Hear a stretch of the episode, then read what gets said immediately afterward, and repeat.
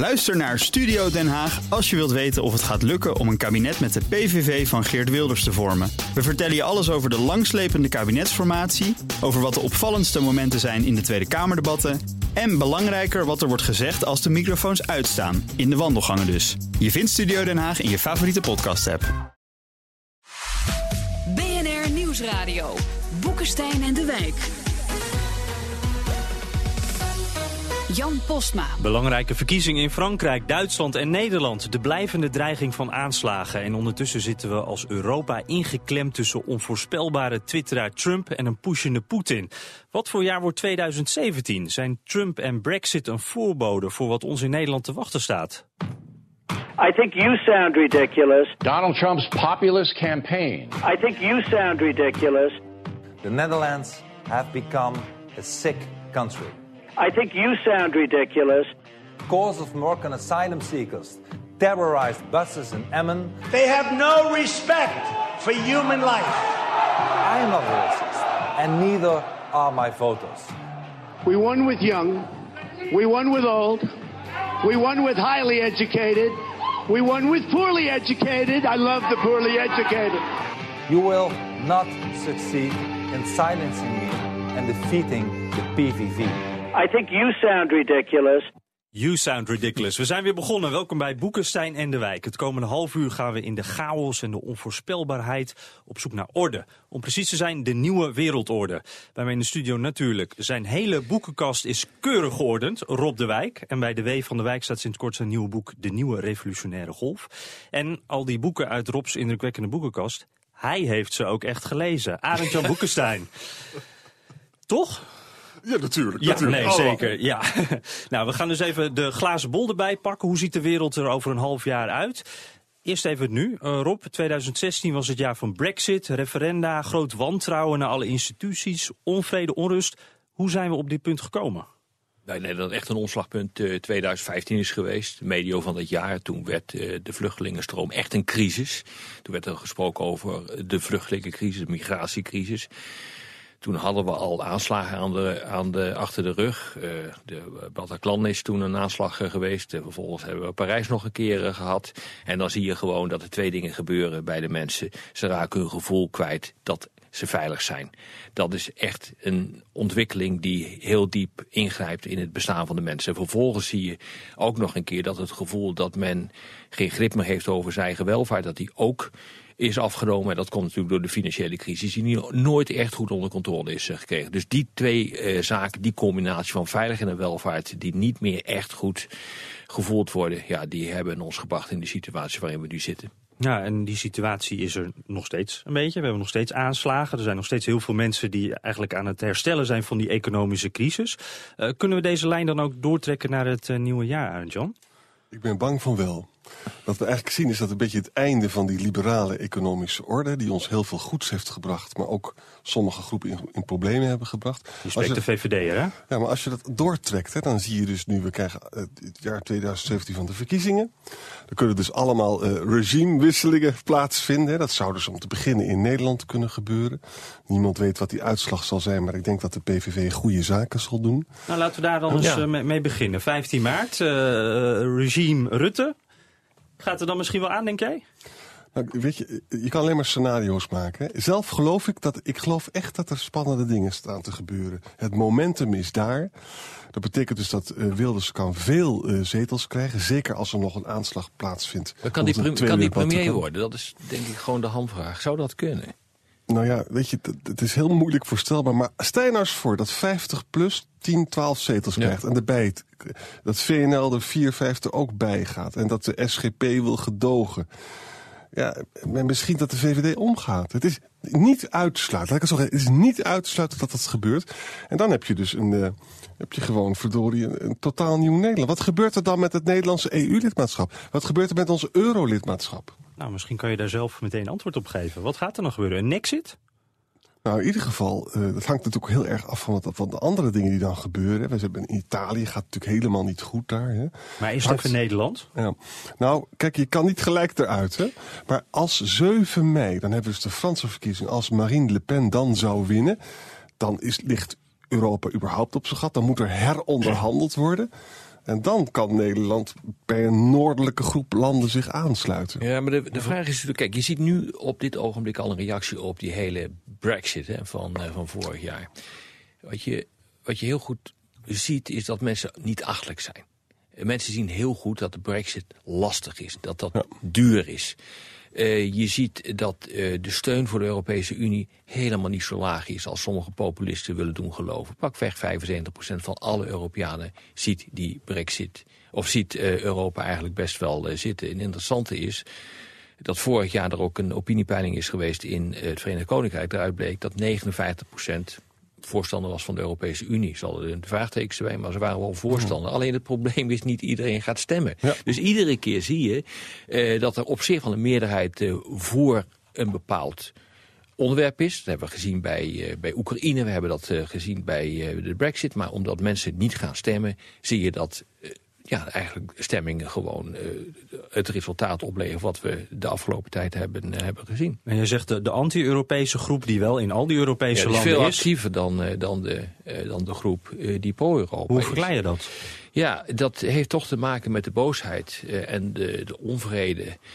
Uh, ja, en de angsten die er onder de maatschappij, in de maatschappij leven. En dat, uh, dat, dat manifesteert zich in het feit dat mensen die echt gemotiveerd zijn omdat ze boos zijn, daadwerkelijk naar de stembus gaan. En we zien in heel veel landen hetzelfde fenomeen gebeuren. Mensen gaan uh, stemmen die eigenlijk nog nooit gestemd hebben.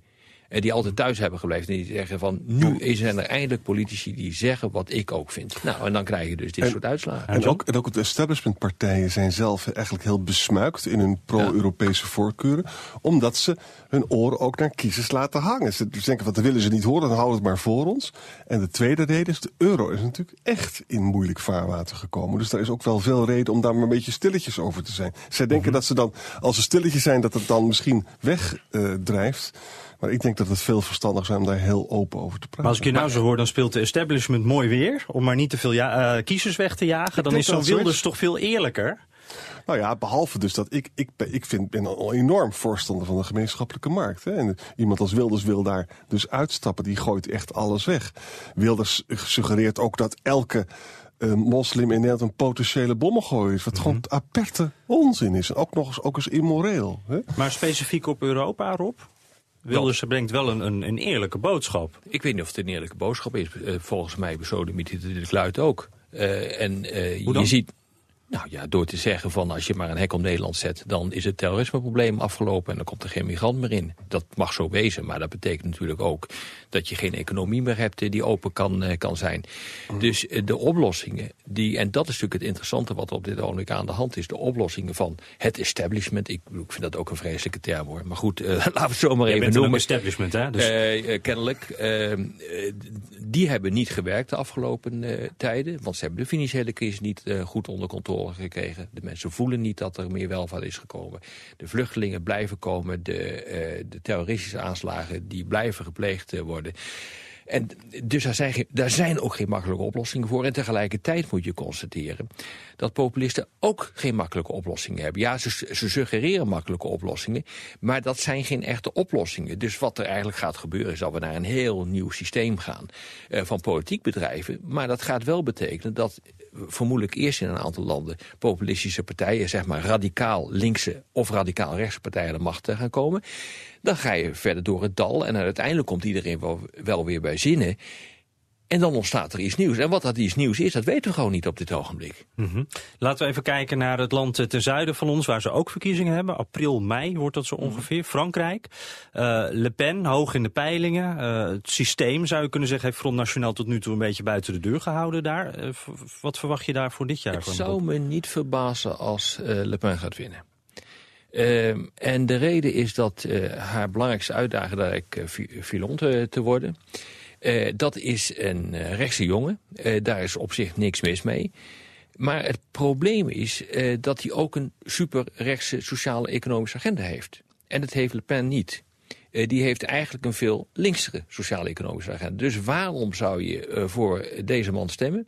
Terwijl je het het echte kunt krijgen door op Le Pen te stemmen. En, weet je, er speelt nog iets. Dat is een heel goed punt wat Rob noemt. Kijk, je hebt twee stemrondes nodig. Hè. Niemand haalt een absolute meerderheid bij de eerste. Nou, Marine Le Pen zal het heel goed doen. François Fillon waarschijnlijk iets minder, maar ook goed.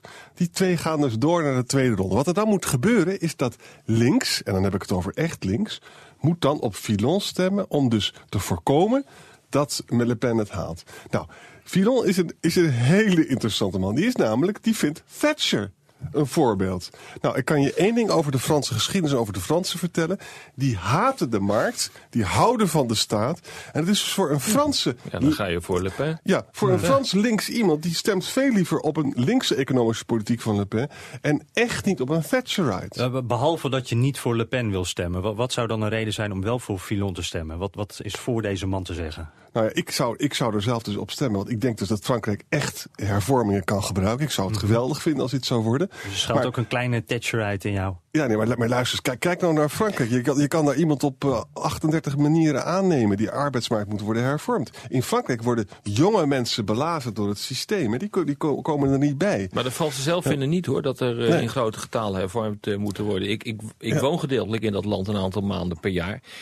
Maar ik heb nog nooit iemand tegengekomen die helemaal in de hoera-stemming eh, komt. Omdat er, omdat er hervormd moet worden. Heerlijk. Ik bedoel, iedereen die zit gewoon alleen maar te kankeren eh, Ja. in de kroeg. En eh, bij wijze van spreken bij ons Zo thuis het. over het feit dat ze nog langer moeten werken. En dan vragen ze mij maar, Rob, de pensioengerechte leeftijd in jouw land is om eh, hoog gaan. Waarom gaat niemand de straat op? Ik zeg, omdat wij begrijpen dat het nodig is, omdat je het alles niet meer kunt betalen. Ik zeg, wie moet het ander, anders eh, betalen dan? En weet je wat het antwoord is? De ander. Ja, Dat is wel makkelijk. het is echt geweldig, Maar dit daarom, soort dingen. daarom ben ik dus zo bang dat Fillon krijgt dus die stemmen dan niet. En dan heb je gewoon... Dan heb je Marine Le Pen als president. Hey, en eh, Le Pen die belooft een Frexit-referendum. Ja. Wat Nou, gaat er dan ja, voor- daar Ja, is, die, Rob? is eh, ook alweer een klein beetje Ja, op teruggekomen gezien. oké. is. Ja, ja. Want zij begrijpt heel goed dat er enorme kosten verbonden zijn aan een Brexit. Want het is niet alleen maar zo dat Frankrijk dan uit de Unie stapt, maar ook uit de euro en ook uit Schengen. Die rekening is dus drie keer zo hoog als de, Britten, eh, als de Britse rekening. Eh, dus ik moet nog zien of ze dat gaan doen. Nee, ik denk dat ze andere dingen gaan doen. Maar ik ben benieuwd wat Jan ervan vindt. Nou, kijk, Brexit? Het, het interessante is natuurlijk van... Iedereen weet nu dat Brexit ontzettend complex is. Dat ze het eigenlijk niet eens kunnen oplossen. En we zijn zelfs bang voor een hele gewelddadige scheiding. Aan beide kanten geld gaat kosten. Mm. Dat is Le Pen ook opgevallen. En ik las ook een stuk waarin zij van... Nou, wij willen wel uit de euro... maar daar moeten we eerst nog eens even goed gaan nadenken. Hoe hè? we dat doen, ja. Want namelijk, het is, technisch is het heel ongelooflijk lastig. hoor ik bij jou nou ook eigenlijk wel twijfel of dat echt gaat gebeuren? Blijven die Fransen er gewoon in? Ook met Le Pen? Nou, ik weet niet of ze erin blijven, maar op korte termijn is het in ieder geval technisch ongelooflijk lastig om eruit te gaan. Dat is reden genoeg om achterover te hangen nog eens goed na te denken. Het is wel zo, ze heeft daar zoveel over gezegd dat het toch raar is om te denken dat op de lange termijn Europa dan intact gaat blijven. Ik geloof toch op de lange termijn dat Europa gaat krimpen. Het zou zelfs kunnen zijn dat ze een referendum uiteindelijk uitschrijft in de hoop dat de mensen zeggen blijven. Dat zou me Ja, niet verbazen. vanwege de ellende. Ja. De wijfelende dame Europa bevindt zich tussen twee onvoorspelbare macho's. Wat te doen? BNR Nieuwsradio. Boekenstein en de Wijk. In Duitsland zijn ze normaal gesproken huiverig voor populisten. Maar nu krijgt de AFD misschien wel voeten aan de grond. Wat betekent dat voor ons? Welkom terug bij Boekenstein en de Wijk. Hier bij mij natuurlijk Arendtje Boekenstein en Rob de Wijk. En we gaan eens even kijken naar onze oosterburen. Om het eh, eh, rijtje verkiezingen compleet te maken. Duitsland... eh, Komend najaar, rond oktober, gaat dat gebeuren. Bondsdagverkiezingen. Merkel op voor een vierde termijn, maar ondertussen ook wel onder druk. Eh, ja, en aanslagen natuurlijk. Daar moet de AFD toch eh garen bij spinnen, denk ik, Rob. Eh, Duitsland is toch wel een ander land geworden na de Tweede Wereldoorlog dan veel andere Europese landen. Het is zo postmodern als ik weet niet wat. De, dat wil zeggen dat geweld of militaire macht zo ongeveer is afgeschaft. Ze willen geen assertieve rol meer spelen in de internationale politiek. En die, die historie van Duitsland die drukt ook wel zwaar op dat land. Ook op de gemiddelde Duitser. Dus ja... Eh, dat soort eh, radicale partijen die zullen opkomen, maar vermoedelijk niet met het eh, percentage als in andere landen. Maar goed, eh, je weet maar nooit. Nee, wat, wat denk jij, Arend Jan? Hoe, hoe voorspelbaar zijn de Duitsers nog? Nou, kijk, je zou dit kunnen zeggen van, ik geloof dat eh, AFD komt van 15%, gaat nu groter. Wat overigens historisch is, hè. ik bedoel, de kiesdrempel is 10%. Het is echt een grote AFD. Maar omdat CDU-CSU toch altijd veel stemmen pakt, en SPD ook, kon je met twee partijen een coalitie in Duitsland voeren. En ik denk dus, zelfs als de AFD heel groot wordt, hè, 20, 2, 23, dan nog kan je een coalitie sluiten die, die de AFD uit de regering houdt. Betekent natuurlijk wel dat heel veel mensen op de AFD hebben gestemd. Dat er heel veel mensen in de Bundestag zitten. Dat die ook de tv pakken en de radio pakken. En dat er een enorme druk op Merkel zal wel blijven. Uh, kijk, als er nog veel meer aanslagen komen... dat wordt natuurlijk een enorme invloed op haar beleid. Hè? Nou ja, goed, wat, wat we dus nu zien... Hè, de, dat is eigenlijk de conclusie tot nu toe... is dat in uh, nogal wat Europese landen... Uh, radicale partijen, wel, wel populisten worden genoemd, opkomen... En je hebt nou twee strategieën. Moet je ze nou incorporeren, moet je ze systeem inbrengen... of moet je juist een cordon sanitair ja. organiseren? Dat is eigenlijk gewoon de vraag waarom het Ik zou zeggen, in een democratie, dan moet je ze insluiten, toch? Nou ja, daar valt heel, dat, ja, nee, maar ik, ik vind dat daar veel voor te, te zeggen valt. Uh, want als je dat doet, heb je de hoop dat je nog enige controle krijgt op uh, de antidemocratische tendensen die in ieder geval in dit soort partijen zitten. Kijk, ik heb op zich niet zoveel problemen met delen van het beleid als ze voorstaan. Ik zou ook bijna zeggen, laat maar proberen. Het enige wat mij er iedere keer van weerhoudt om daar volop uh, uh, ja, toch voorstander van te zijn is het feit dat er hele diepe tendensen zitten in delen, bij delen van de bevolking, bij delen van de politiek, met name die radicale politici, om de rechtsstaat om zeep te helpen. Ik bedoel, wij staan hier nu in een radiostudio, hartstikke leuk. Dit is het vrije woord. Uh, Arend, Jan, Jan en ik, uh, dat zijn mensen die, uh, die leven van het vrije woord.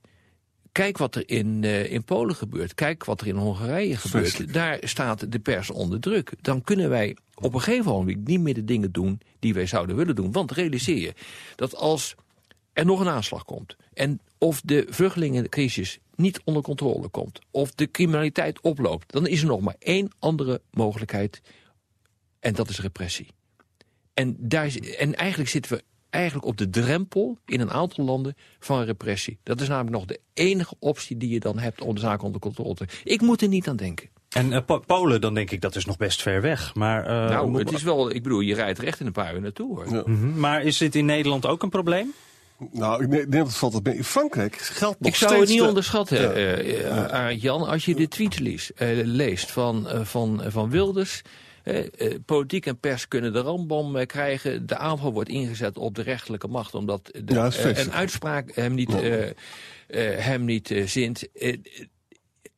tot nu toe gedragen deze politici, deze partijen zich democratisch. De grote vraag is alleen, wat gaat er gebeuren bij nog een aanslag... nog meer vluchtelingen Mhm. en allerlei andere evenementen... in de, in de internationale betrekkingen die ons land raken. Arend Jan, zijn we echt één aanslag verwijderd? Nou, ik, ik hoop het niet. Wat ik wel zou willen Maar opmerken wat denk is- je? Nee, ik denk het niet. Oké. Maar moet je luisteren, Frankrijk Denk heeft... je dat of is het nou wensdenken? Nee, ik, ik, ik- ik denk het. Maar Frankrijk heeft de uitzonderingstoestand nog steeds. Nee, natuurlijk, en die is weer verlengd. En, en, da- en in Frankrijk gebeuren er echt hele grote dingen. Ik bedoel, Mhm. De, de- de noodtoestand hebben we nu over. ja, dat hebben we in Nederland natuurlijk niet.